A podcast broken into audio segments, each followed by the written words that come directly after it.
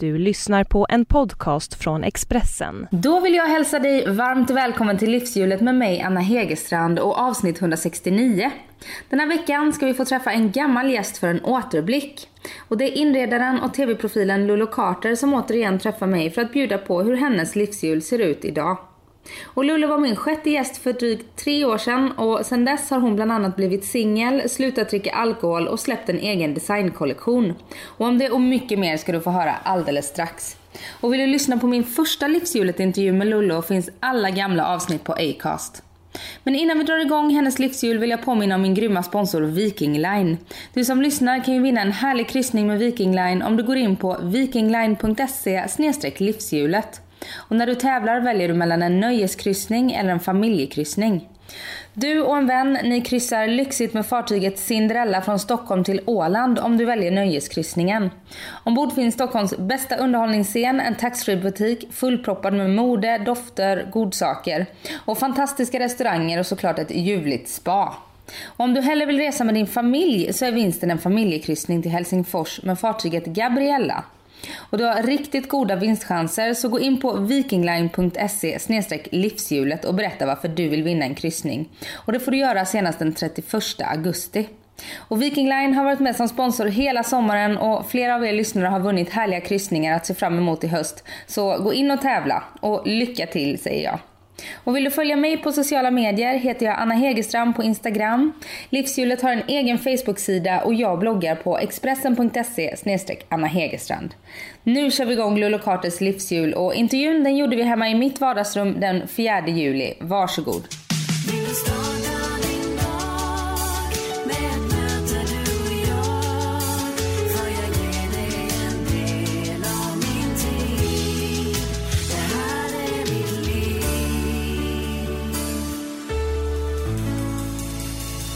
Jag vill börja med att hälsa dig välkommen hit. Tack Anna. Till livshjulet. Min Tack första mammalediga dag inleder jag med att intervjua dig. Ja men det är väl underbart. ja, det tycker jag. Det, det gillar jag. Att det är Mm. din första mammalediga dag.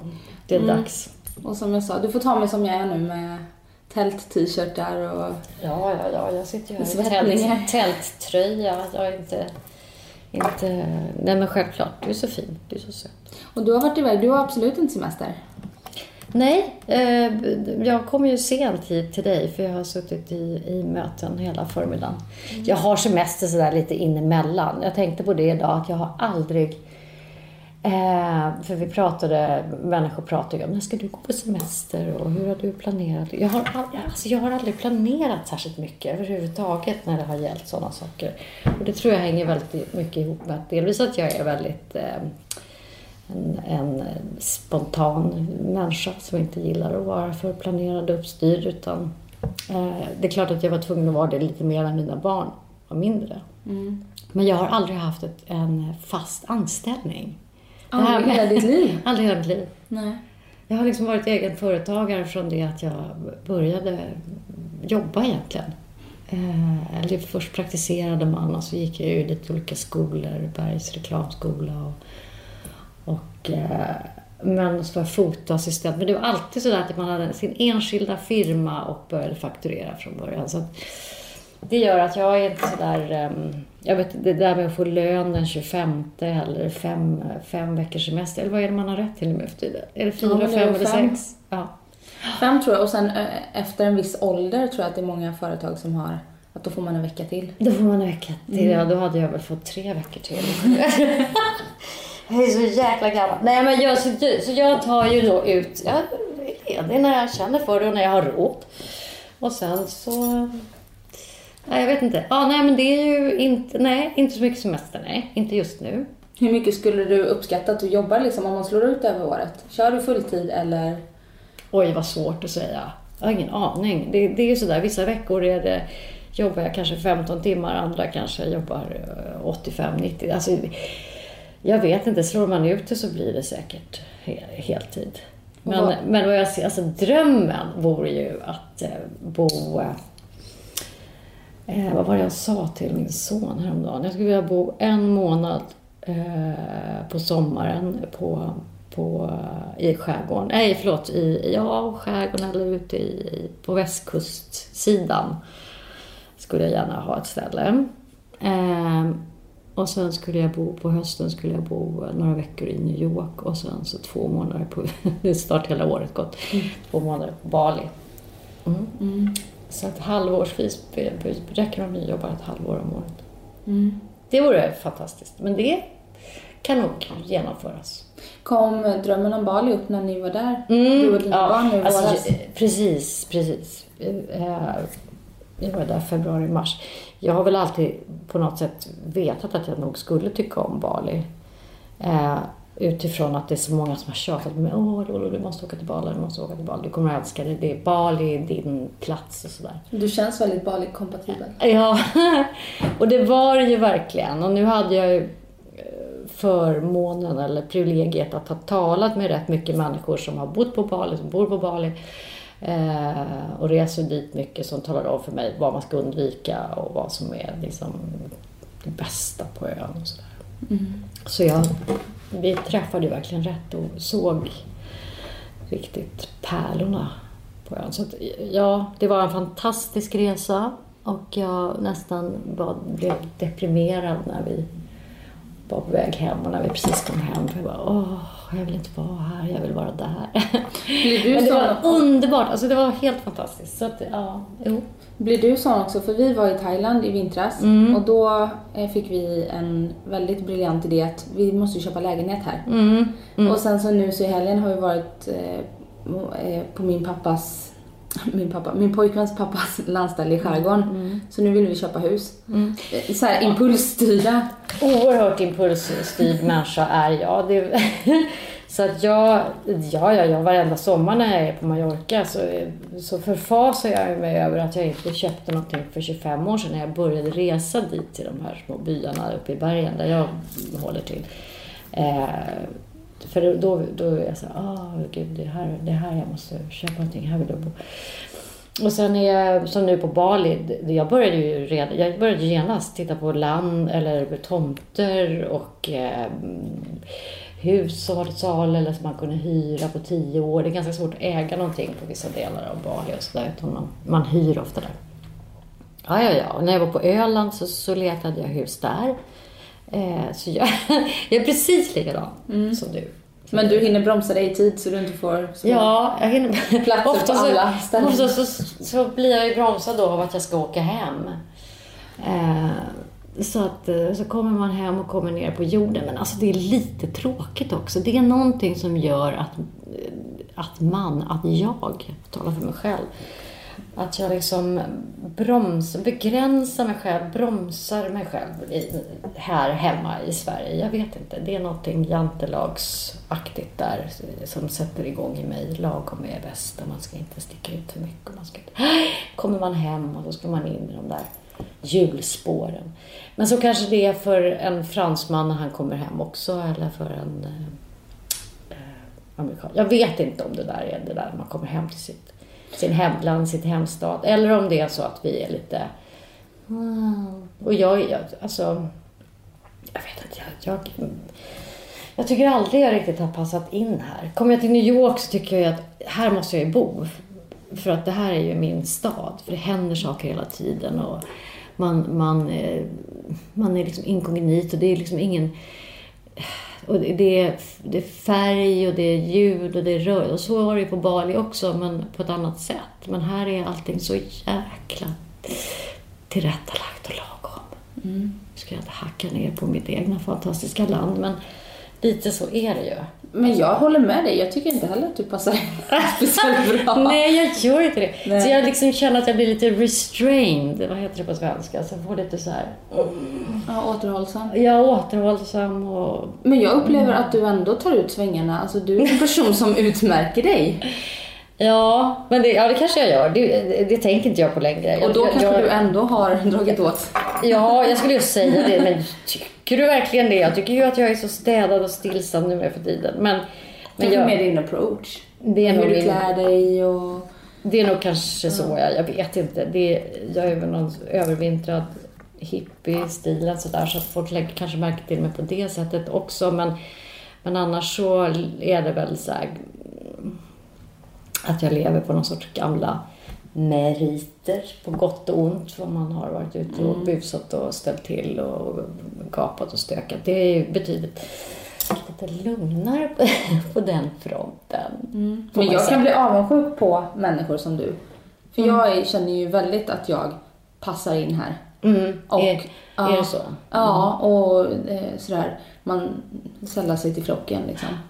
Ja. Och det finns ju, det, men det bor ju en längtan i att bara få flippa ur och vara lite Mm. mer galen. Och, sånt som man var när man var liten, när man var barn. Mm. Och inte brydde sig så jävla mycket.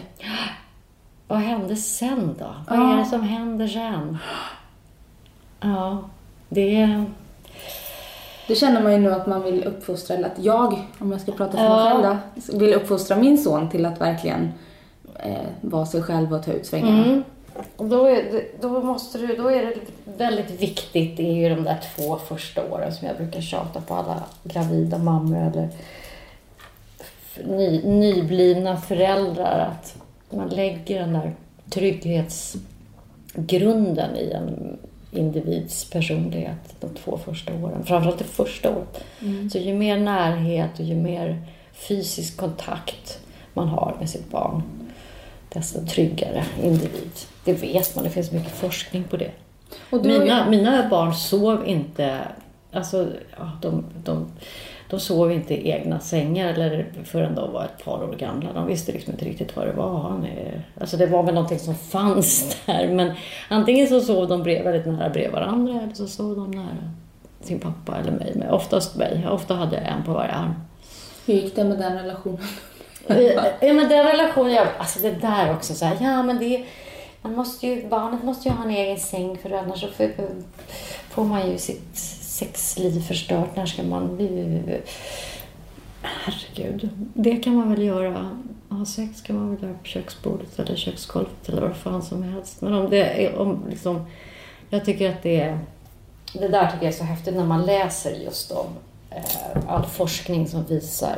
Om man tittar på, på ur, ur, vad heter det, alltså urbefolkningar ute i djungler och, och eh, nomadstammar. De, de har inte depressioner eller det finns inga bokstavskombinationer. Det finns, nu nu har väl det säkert kanske med olika typer av, av gener och så att göra också men vad man vet är ju att det här med att sova i egen säng, liksom det är så västerländskt det där. Man, liksom, man, de sover ju ihop, de sover ju nära varandra. Det är i sömnen vi återhämtar oss så mycket på många olika sätt. Och som liten och växande individ så är det just det här, den här närheten till andra människor. Det måste inte vara mamma och pappa men att sova nära någon och få kroppsvärme från en annan person, höra hjärtslagen. Tänk dig själv när, när din lilla knodd kommer ut som har legat där inne och hört dina hjärtslag och, och ljuden från din kropp och allting har varit så dovt och lugnt och försiktigt från yttervärlden. Om han skulle komma ut och lägga sig ner i en säng eller en barn, nu alltså alla dessa barnvagnar, när man barnet sover tryggt och lugnt.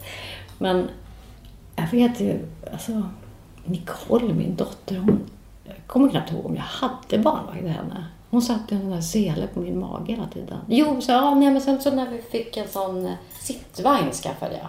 Mm. Då hade jag en sån här dubbelsittvagn som de satt i tillsammans. Men nej, hon satt på min... Och, eller nu, nu, nu kommer kvinnor att bli skitirriterade här, vissa kanske. Men när jag hör om, om kvinnor som ska ut i arbetslivet snabbt. Det blir, jag- alltså jag blir så förbannad så jag vill slå dem. Det är den viktigaste karriären man har man, man, i sitt liv. Det är om man väljer att skaffa föräldrar att, att göra någonting bra. Alltså att, att det, det är du har ett hand, det är en annan, jag kan inte prata för jag blir så upprörd. Det är, det är ett nytt liv som genom dig kommer till världen och som du har skyldighet att eh, ge en bra start. Men det, finns det inte både en mamma och en pappa? Jo, Många gånger. jo, jo, jo, absolut. Eh, Jo, självklart. Jag har ingenting emot pappaledighet och så. Bara, så länge man, man förstår att liksom, men jag hör, jag hör liksom om kvinnor som får barn sent. Som vet att de antagligen bara får ett barn. Men som är liksom, ja, har någon högt uppsatt position och är livrädd för att förlora den eller för att förlora liksom sitt värde på arbetsmarknaden. Så då, ja, nej men du vet, jag kommer att börja jobba när, när Vilma är fyra, fem månader, för det kommer inte vara några problem. Liksom, du får aldrig tillbaka den tiden. Det är bara borta.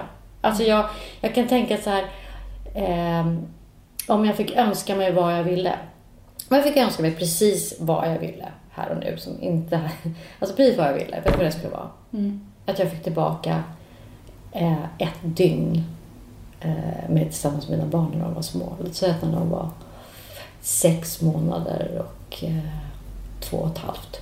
Mm. För det är den, den åldersskillnaden på dem. Fem, fem och två och ett halvt. För då hade jag, bara, inte för att jag, men bara för att, gud vad härligt att bara få uppleva det igen. Mm. Bara vilken, åh, jag kan liksom längta tillbaka. Även om, även om det är här och nu som är, är härligt. Jag brukar säga att den åldern som ens barn befinner sig i just nu är den härligaste. Men ändå.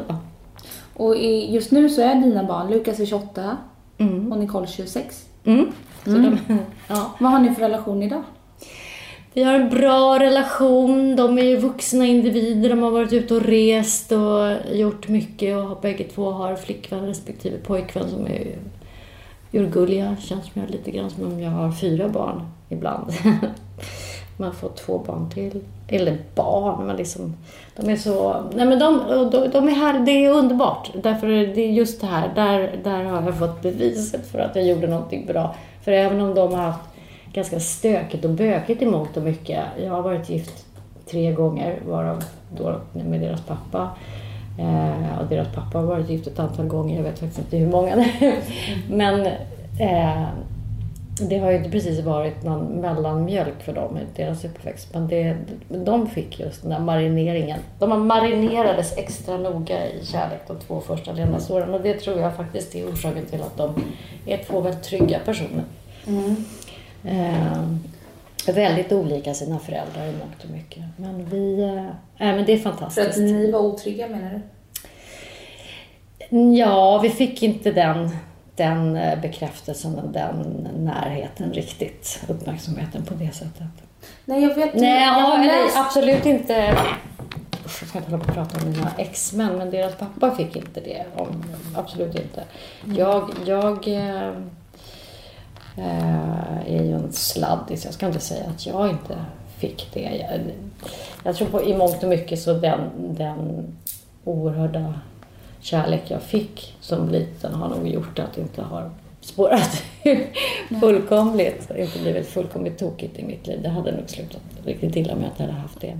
Men jag, vet, jag har läst att dina föräldrar Mm. hade en ganska stormig och passionerad relation. Mamma och pappa ja. Ja. Ja, ja, ja, ja, ja. Det var så här 40-åriga kriget eller någonting sånt där. Eller himmel och helvete. Ehm, de, jag försöker tänka efter nu hur länge de var gifta. De dog ju med 23 timmars mellanrum. Eh, och gifte sig när mamma var... Alltså de var gifta i 50 år. 55 kanske. Fantastiska människor. Otroligt eh, passionerade och eh, väldigt eh, älskade varandra högt. Men det var mycket eh, bråk och sådär också. Jag kunde, jag kunde väl ibland under, speciellt när jag kom upp i tonåren innan jag flyttade hemifrån, så kunde jag ju tänka att men herregud, kan inte de här två människorna skilja sig? Jag orkar inte med hur de har det. Men eh, Hur har det präglat hur du ser på relationer? Kärleksrelationer? Eh, Ja, hur har det? det har nog präglat mig så tillvida att jag inte tänker att man ska hålla ihop i vått. Nej. Eh, Men å andra sidan så har det ju säkert ja, stökat till mig lite grann åt andra hållet. Så att jag kanske har gett upp lite för lätt. Jag har varit gift tre gånger. Jag har haft ett otal relationer. Så att det finns väl någon gyllene medelväg där. Men det, jag är ju dålig, dålig på, de där, med, på det där lagomma. Mm. Nej, för sist när du var med i Livshjulet så hade du ju en relation med Karl Robert. Hade jag det ja? Ja. Är det så pass länge sedan? Då prat- ja, det är tre år sedan. Då pratade vi om att ni hade en öppen relation.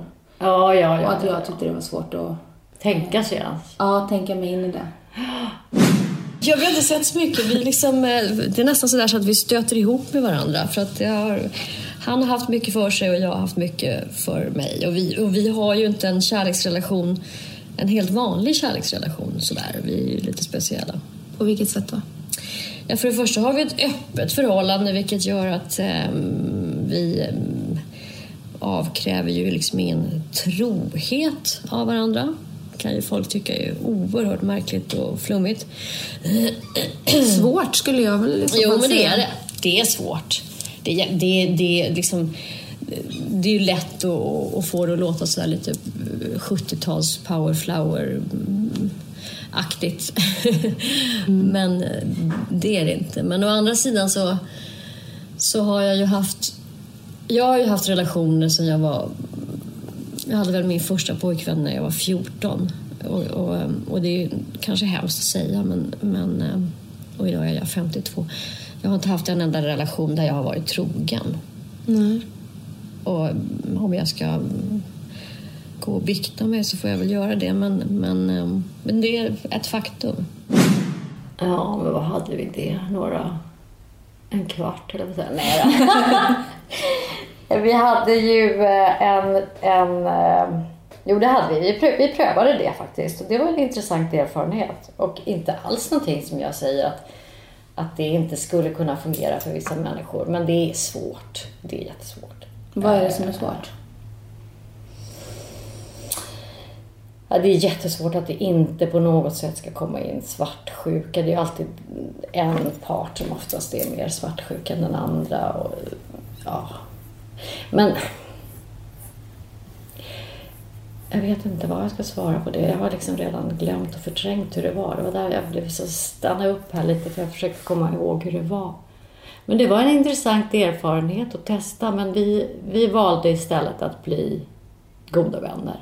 Och, och vi är ju liksom bästisar idag, Karl Robert och jag. Det känns ju nästan lite så här nästan lite, han, han, är, han är ju verkligen min brorsa, eller min bror, så det känns nästan in, lite incestuöst att bara tänka på att vi har varit tillsammans. Jättekonstigt. Jag visste jag var ihop med honom också, vi var ett par. Och det är väl många som, som tror mellan varven att vi är det i alla fall. Ja, men är det inte så att ni ligger i alla fall? Och vi bara, så här, vi bara skrattar. Nej, det gör vi inte. Ja, vi kan ligga i samma säng med hundarna och se på TV eller se på film. Det gör vi ofta. Vi har otroligt kul ihop. Men liksom just där Är det så att att passionen folk, har... folk har så svårt för att eh, förstå att eh, det finns eh, liksom någonting annat än att göra slut och försvinna eller att vara... Ja, jag vet inte. Det, det finns vissa som bara hakar upp sig på det där, som kommer tillbaka till den frågan. Jag har till och med blivit förbannad på några sagt, men nu får du sluta fråga den frågan. Eller insinuera att det skulle vara på det sättet att vi har någon relation i alla fall, för vi har inte det. Inte någon kärleksrelation, ingen sexuell. Vi är som, vi är som syskon. Vi har väldigt eh, trevligt på alla tänkbara sätt. Och vi umgås ju liksom med mina barn och alla hundar och eh, Karl Roberts eh, kusiner och eller vad det nu är, halv, halvsyskon och styvpappa och ja, det är huller om blunder. Men det är fam, väldigt familjekärt i alla fall. Ja, sen kanske det kan vara det att just det här passionerade och eh, det klarade ni av när ni var tillsammans och sen, ni vet ju hur det är. Ja, det är väldigt Det är inte så att det är någon jobbigt. laddning i luften liksom. Nej, nej. Det, Som det är det, är, det är avklarat. Det är, passerat. Och Karl Robert är ju... Alltså det, det, det enda jag kan känna lite grann så här, eh, om det skulle vara någonting som är negativt, men det pratar vi mycket om och skrattar åt, det är väl att jag, att jag blir lite väl, lite för eh, eh, påverkad av Karl Roberts syn på och inställning till relationer. Han säger ja men fick jag inte saker och ting att fungera i en relation med dig då, då vet jag att då är det kört för du, det är en gullig komplimang. För du är ju världsbäst Lollo. Kan inte jag få en relation att fungera ens med dig, ja då, då ska inte jag ha någon relation. Men alltså han är ju han är ju inte, han är ju inte positiv till relationer eller till, till, liksom, till kärlek, tvåsamhet överhuvudtaget. Så man, man, är man en hopplös romantiker så står man nog inte ut och umgås med honom för han är väldigt krass. Varenda gång det är någon, någon kompis som skiljer sig eller separerar. Ja, du ser. Nu händer det igen. Vad var det jag sa? Jag har alltid rätt. Det går käpprakt åt helvete. Man ska inte ha någon relation. Man ska ha korta sexuella möten och det är bara ska vara i max Vad anser du 12 nu då? timmar. Om relationen? Nej men jag kan ju bli, jag kan faktiskt bli ganska, eller ja, vad ska jag säga? Jag, jag, jag, jag, jag, det är hemskt att hålla på och säga någonting annat än att jag tror på kärleken. För det gör jag. För egentligen, i grund och botten, och det här, ska vi inte, det här får man inte glömma, så är jag en oerhört romantisk kvinna, flicka, tjej. Flicka säger man. För helvete inte när man är 55. Kvinna. Eh, fruntimmer. Jag är ett romantiskt fruntimmer. Så att det, det går lite emot mina, min personlighet att säga att jag inte tror på kärleken. För det, det gör jag ju i grund och botten. Men jag, jag kan på något sätt känna, känna att jag har eh, jag har fått erfara så mycket kärlek från ur så många olika eh, aspekter i livet. Så att, och jag får så mycket kärlek, även om det blir en kärleksrelation. Jag får kärlek från mina barn, ifrån mina hundar, från mina vänner, ifrån, eh, alltså framförallt från, från mina barn och mina vänner. Och han Björkander. Ja. Så att... eh, Ja, det ska, det ska nog ganska mycket till innan jag kan tänka mig att säga ja till en, till en relation. Det ska mycket... Alltså till... Det låter så negativt, men ja, det är, det är ju så. Att, att bo ihop med någon, att, liksom ta mitt, att liksom flytta ihop. Men man ska aldrig säga aldrig. Jag kan, jag kan drabbas av eh, den stora kärleken ånyo. För det har jag ju trott varenda gång jag träffat någon av. Oh, this is it. Det är den känslan man vill åt. I get swept away. Men eh, ja, det, jo det vill man ju. Men det är en drog i sig. Liksom. Det är det ju faktiskt. Det är en form av missbruk. Det finns många som missbrukar relationer och som hela tiden ska liksom få de här passionskickarna. Och de ingick ju i mitt allmänna missbruk eh, av till exempel alkohol som jag inte dricker längre. Så, så ville jag ju också ha eh, passionskickar faktiskt. Det, det, har, det har säkert mycket med det att göra också. Att det, liksom, det finns en sinnesfri, en sinnesro idag som jag inte hade tidigare. Som jag också gör att jag inte eh, i första taget kastar mig in i någon ny relation. Nej.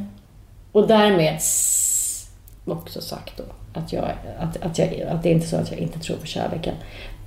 Mm, för det är så hemskt liksom vad man skulle...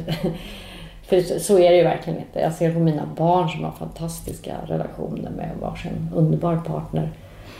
Om jag skulle säga till dem, nej men det där kommer att gå åt skogen och jag tror inte på kärleken. För så är det ju. Hoppas inte de lyssnar på Karl Robert för mycket då. Nej, men det, jag har till och med sagt åt Karl Robert, jag vill inte att du mal på med dina relations... Eh, din relationsterapi eller vad det är han håller på med. Negativitet. Negativitet, relationsråd till mina barn. Nej då. De skrattar åt honom så det är lugnt. Mm. Men du sa att alkoholen har du lagt ner också? Ja, det är ganska länge sedan jag på säga, men det är två år sedan. Ungefär. Så, någonting. Vad var det som fick dig att klippa den? Ja, jag kände att jag hade krökat nog kanske. Ja. Jag har dansat på alla barer i stan och härjat runt. Eh, och blivit utkastad från tillräckligt många ställen.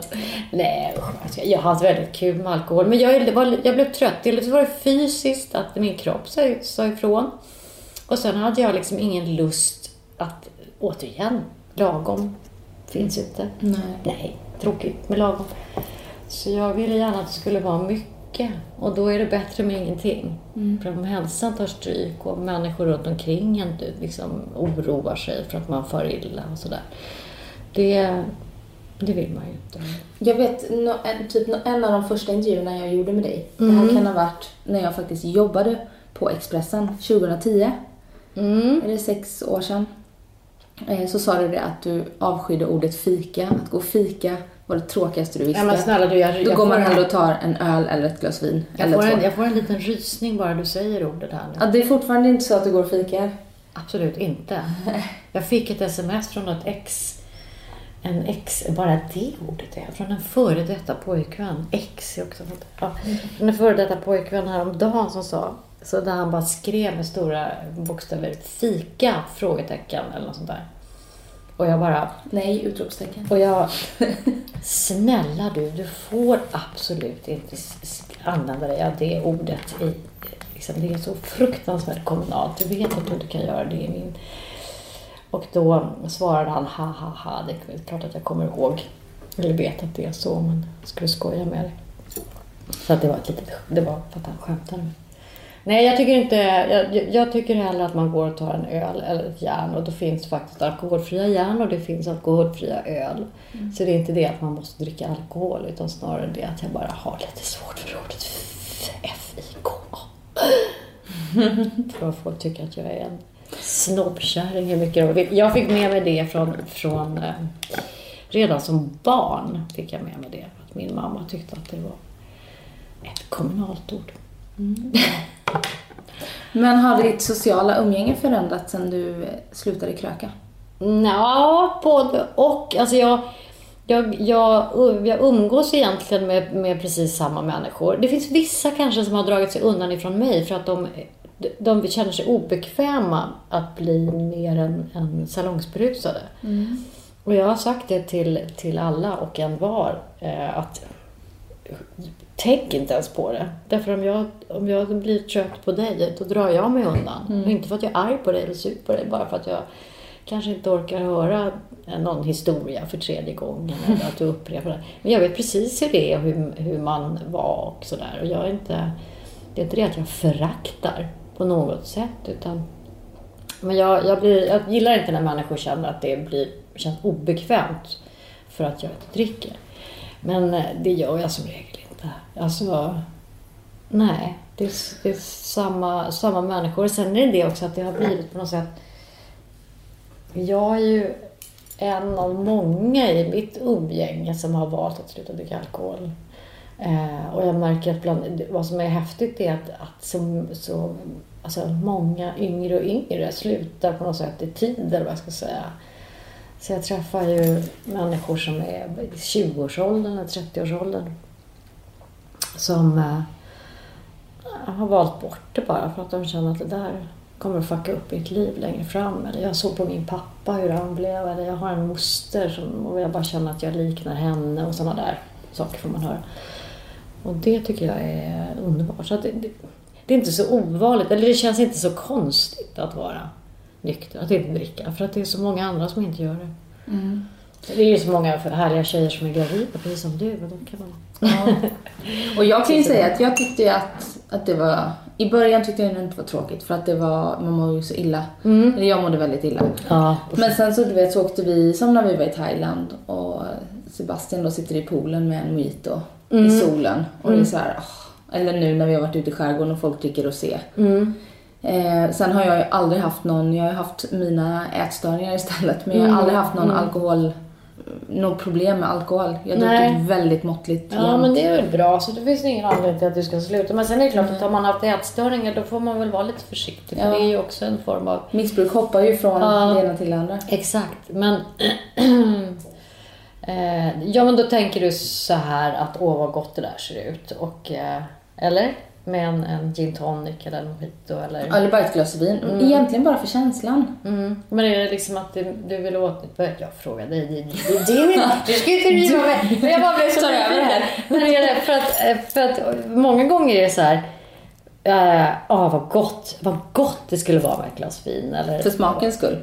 Ja, men ju, alltså, ju, det är det. Det är det. För att jag, jag måste ju rannsaka mig själv för jag har aldrig tyckt om smaken av vin. Nej, Verkligen. men så är det är en jäkla hyckleri när jag har sagt åh vad gott det ska bli med ett glas vin. Mm. Skitsnack, Carter. åt För jag vill bara. Jag har aldrig tyckt om rosévin, jag aldrig tyckt om vitt vin. Jag aldrig, alltså jag har aldrig tyckt om vinsmaken därför jag tyckte att det var surt. Gud, tänk om man kunde få bli full på Pommac egentligen. Mm. Men hur, och, och så, om man tänker nästa steg då, ja, så vill man bli lite rusig. Och det är ju, det är ju härligt att bli kanske första glas, efter första glaset eller andra glaset. Och sen börjar det ju ofta bli att man blir för rusig. Och det är det som är grejen. Ja. Du kanske inte kunde sluta i tid. För mig, jag dricker aldrig mer än Nej. tre glas. Men För jag bra. får inte ner det. Och du kanske ty- faktiskt tycker om smaken på vin. Så att då...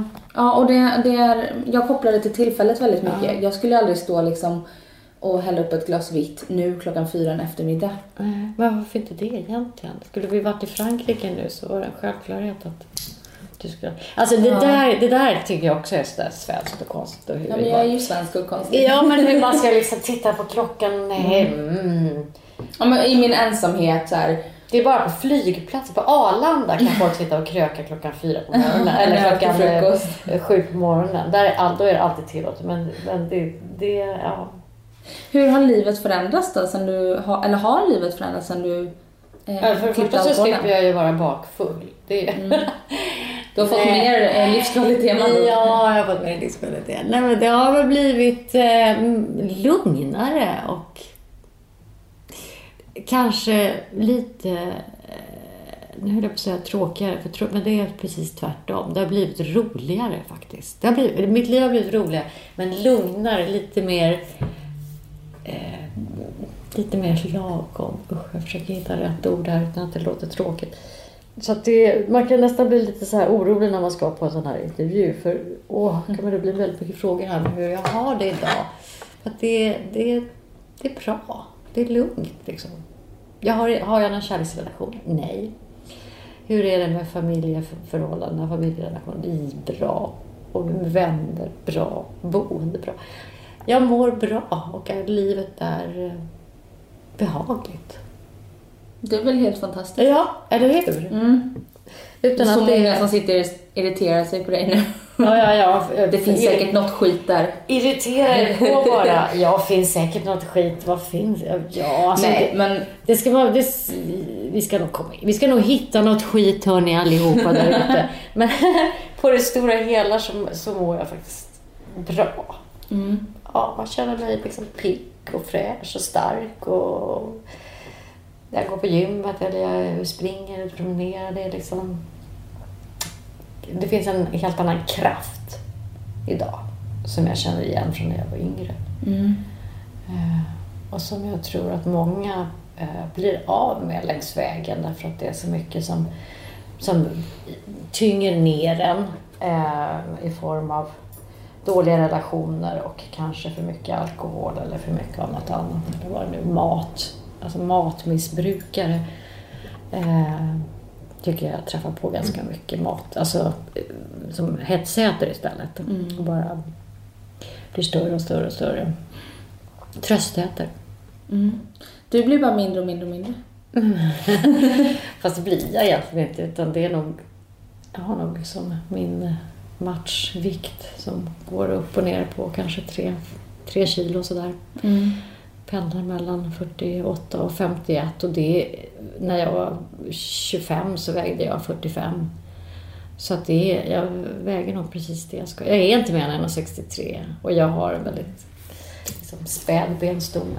Mm. Men det är det att alla vänjer sig ju vid, om man, om man då som jag vägde 10 kilo mer tidigare, så vänjer man sig vid det. Alltså när någon går ner i vikt så är det, åh, har hon fått ätstörningar? Är hon sjuk? Har du fått Liksom. kommentarer om det? Ja, ja, ja. Samtidigt som människor har märkt att jag är positiv och glad och så, sådär, så att då förstår de att det kan ju inte riktigt vara så heller nu. Nej. Men det kan ju inte bara vara att jag slutar dricka alkohol. Det måste ju... Men det är ju det också, att man slutar dricka alkohol så får man ju så mycket kraft och styrka och tid över och pengar över. Tänk så mycket pengar man sparar till att ägna sig åt sådant som man mår bra av. Så att, eh, ja, det är väl många bäckar små. Mm. Och sen vet jag att du är på ett bra ställe i ditt jobb också. Ja, eh, precis. Jag gör ju inte TV längre. Nej. Eh, och då menar jag inte att det är bra att jag inte gör TV, för det skulle jag gärna göra igen om det var någonting i kvalitetsväg. Nu tycker jag att det är förfärligt mycket skit i TV. Det låter jättehemskt att säga. Men jag tycker att det är riktigt, riktigt eh, illa faktiskt.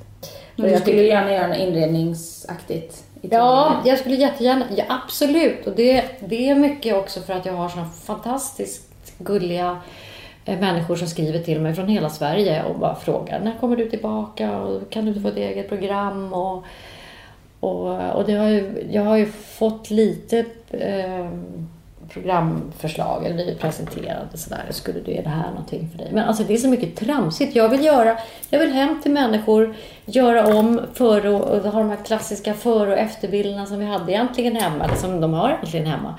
Men eh, jag hade ju liksom min stil och jag stod ju för, eller står ju för väldigt mycket som har med det ombonade och det maximalistiska att göra. Jag tycker ju att hellre sju, sju, åtta kuddar än två och sådär. Vi har precis renoverat här. Det är därför det bara är två kuddar i soffan. Jag förstår. Det ser lite naket ut. Där skulle man ju direkt vilja lägga i två Ja. plädar och en fyra, fem kuddar till. Ja, men, det är väldigt, alltså, är det någon man inte märker- ska ta hem så är det ju dig till sitt hem. Ja, om du har det så, om du har det så här. Så här nej, det, hörni allihopa, det är väldigt mysigt hemma hos Anna. Men det saknas lite kuddar där. Det är Mm. faktiskt Vi har, inte, vi har inte hunnit få i ordning. Men då, uppenbarligen är det så att det, har, det finns tydligen inte så många eller någon inredare i TV, svensk TV idag som, som kanske representerar det som jag representerar och gjorde. Så därför är det väldigt många som frågar. Och det är kul. Men där, det är där, detta om detta när det gäller TV då. Men jag, jag måste bara fråga, eh, för eftersom du vill göra TV, men Mm. du gick ju ändå ut på Tala om äntligen hemma och sa vad du tyckte och tänkte bara, eh, om allting som hade hänt. Ja, Och det är- halleluja. Ja, Äntligen det är lite det, det som jag menar med att du går ändå din egen väg och står upp för liksom, Ja, eh, jo. dig själv och sådär och vågar sticka ut. Jag vet inte om alla hade vågat göra det. Mm. Nej, det hade nog eh, någon, det hade då gjorts för 25 år sedan eller hur länge det programmet har pågått nu. För det har nog varit ganska eh, illa i mångt och mycket eh, beroende på olika faktorer eh, genom åren. Men sen var det ju Ja, jo men jo, jag sa, jag sa ifrån trots att det var, hade ju gått ganska lång tid efter att jag hade, sen jag hade slutat. När jag sa ifrån. Men det ju Det var ju mycket det. efter. Ja, men det var ju också det, för det här var ju bara nu ett, ett år sedan, eller ett halvår sedan. Eh, som Björn Kristiansson, min kära kollega, slutade. Eh, han ställde sig upp och sa nu, enough is enough. Eh, och sen gick han ut och så kom, tog pressen kontakt med honom och frågade varför slutar du? Och då, i den vevan, så sa han ju faktiskt saker och ting som inte de flesta visste om.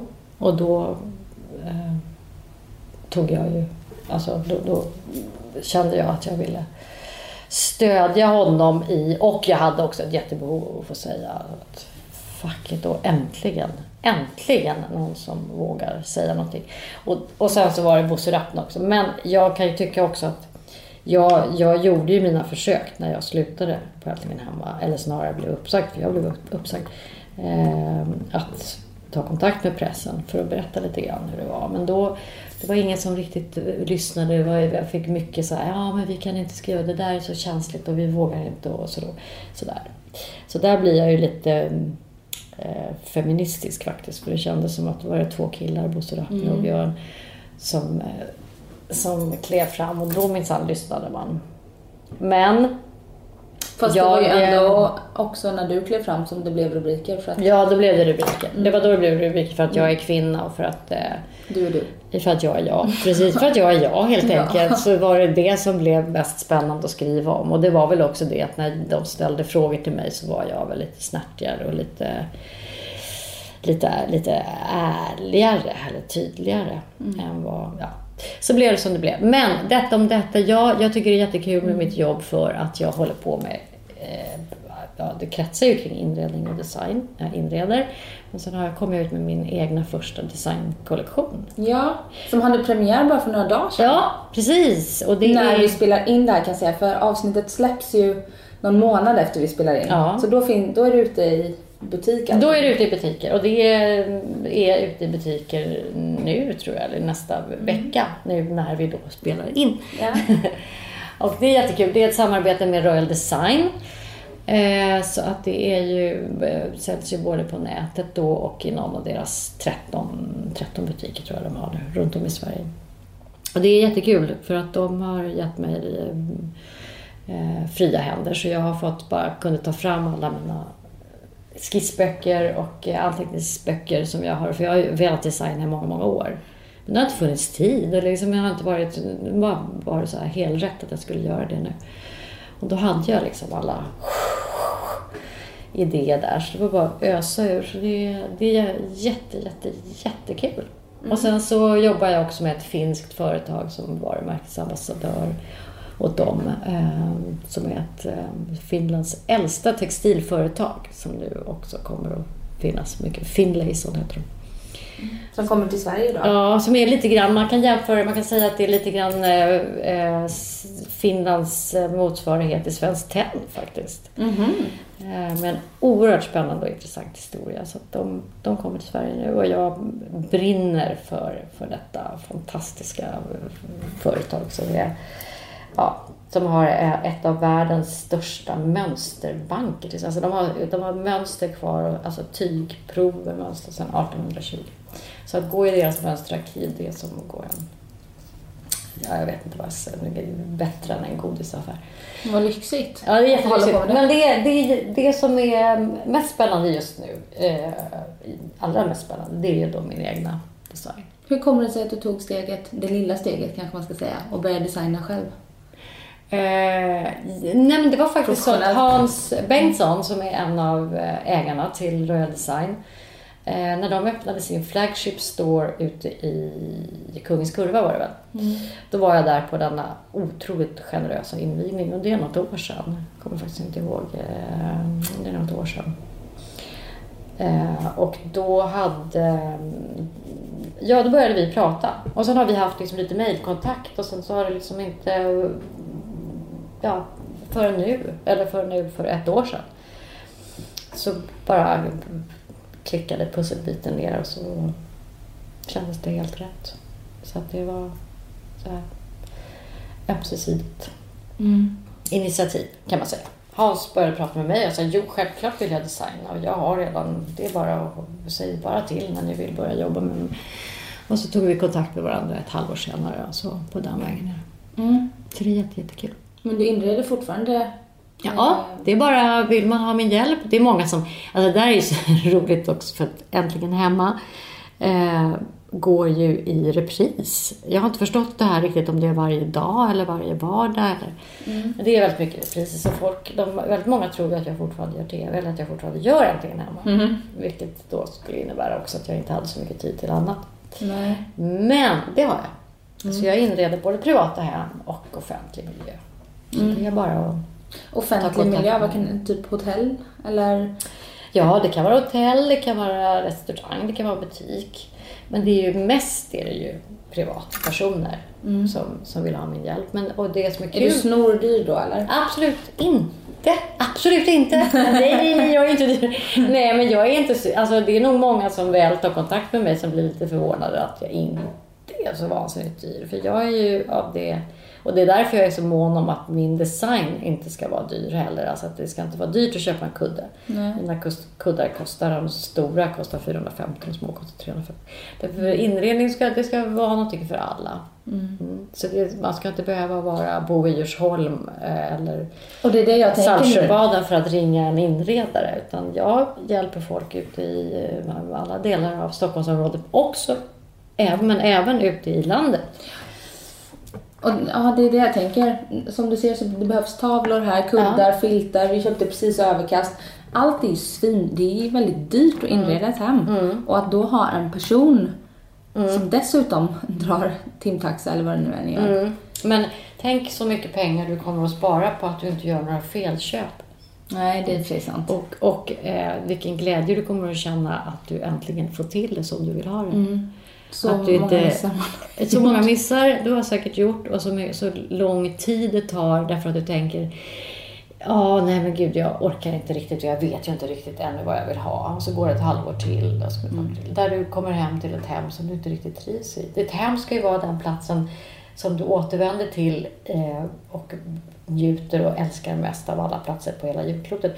Även om jag älskar Bali och älskar New York och så när jag kommer innanför mina dörrar så är ju det den absolut bästa platsen på jordklotet för mig. När det kommer till eh, miljö och in, alltså, inredning. Och ändå sa du sist Och så kan alla få det. Förlåt att Ja. jag avbryter dig hela tiden. Men så kan alla människor få det. Och alla människor kan ha det så hemma. Och borde ha det så. Och då, då, är det, då kan man behöva hjälp. För många gånger är det att man sitter fast och att man inte vågar. Eller att man gör massa felköp. Eller att man tycker olika om man är ett par. Yes. Ehm, och då är det jätteskönt när någon tredje person kommer in och pekar med hela handen och säger nu gör vi så här och så här och så här. Eller ja, så brukar jag inte göra utan jag brukar vara väldigt diplomatisk. Som regel brukar det vara en person som är mer intresserad av inredning. Mm. Och det bästa är att låta den personen få bestämma. Och eh, den andra parten brukar ofta bli väldigt nöjd med resultatet. Mm. Alltså det, ofta, det finns oftast en nej-sägare i relationer överlag. Eller inte överlag, utan man kanske säger nej till olika saker. Och är det då så att, låt säga att det är, det behöver inte absolut vara att det är mannen som säger nej. Jag har haft jättemånga eh, klienter, eller patienter. Nej, men jag har haft många eh, som jag har hjälpt som, som har, eh, där det har varit kvinnan som är nej-sägaren. Och att mannen vill. Och då är det ofta så här att "Ja, nej, men då, blir, då, då hämnas man på att vara nej-sägare i något annat sammanhang. Så att man, alltså får man ett harmoniskt hem där, där man trivs så, så blir det så mycket positiva ringar på vattnet i, i en relation. Jag tror fan i mig, förlåt mitt språk, att jag har räddat äktenskap. Faktiskt. Eller att de har fått hjälp att hjälpa sig själva att göra det. Det här lät väldigt... Jag, spelar, jag sitter här och låter som spelar Gud. Lät väldigt stoiskt. Men, men det är faktiskt med sanningen överensstämmande. Mm. Att, att det är... Det är de här praktiska sakerna, ekonomi och hem Ja. och det här som man ofta bråkar om. Ja. Gud vad jag bara sitter och tittar i, i eh, ögonvrån här nu på din soffhörna och det här. Vi skulle få till det här på en eftermiddag, Anna. Ja, men eh, vi, det, vi kör. Ja, eller hur? Det är bara ett, ett, en, en halv dag med mig, eller säg en dag. Jag skulle inte om- ruinera dig, jag lovar. Nej, och om man vill anlita dig, då går man in på din hemsida eller? Ja, Ja. om man vill lite mer så går man in på min hemsida, lolokarta.se. Mm. Och vill man följa min eh, design så kan man nog läsa om den där också. Jag har personer som hjälper mig med den här hemsidan. Men annars så kan man följa med på Instagram. Mm. Lolokarta Design och Lolokarta Sweden. Och där så kan man läsa om min design och se mer bilder och sådär. Mm. Mm. Men det är jättebra, för jag tycker vi eh, stänger av här Ja. nu och så går vi över till min soffa Har det gått? Har det gått? Har jag pratat för mycket och för länge nu? Nej, Nej. Nej. nej då, du pratar på precis som du ska. Det är därför du är här. Vad bra! Ja, Så det blev lagom. Ja, men nu går vi över till din soffa helt enkelt. ja tack för att du kom hit. Ja, men tack själv. Tack för att jag fick komma. Alltid lika trevligt att få prata med dig. Detsamma. Hej då! Hej.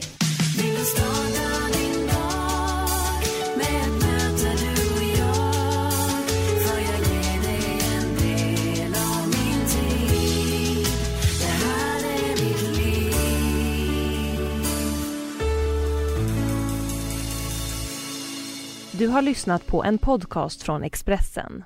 Ansvarig utgivare är Thomas Mattsson. Snart startar vår stora färgfest med fantastiska erbjudanden för dig som ska måla om. Kom in så förverkligar vi ditt projekt på Nordsjö Idé och Design.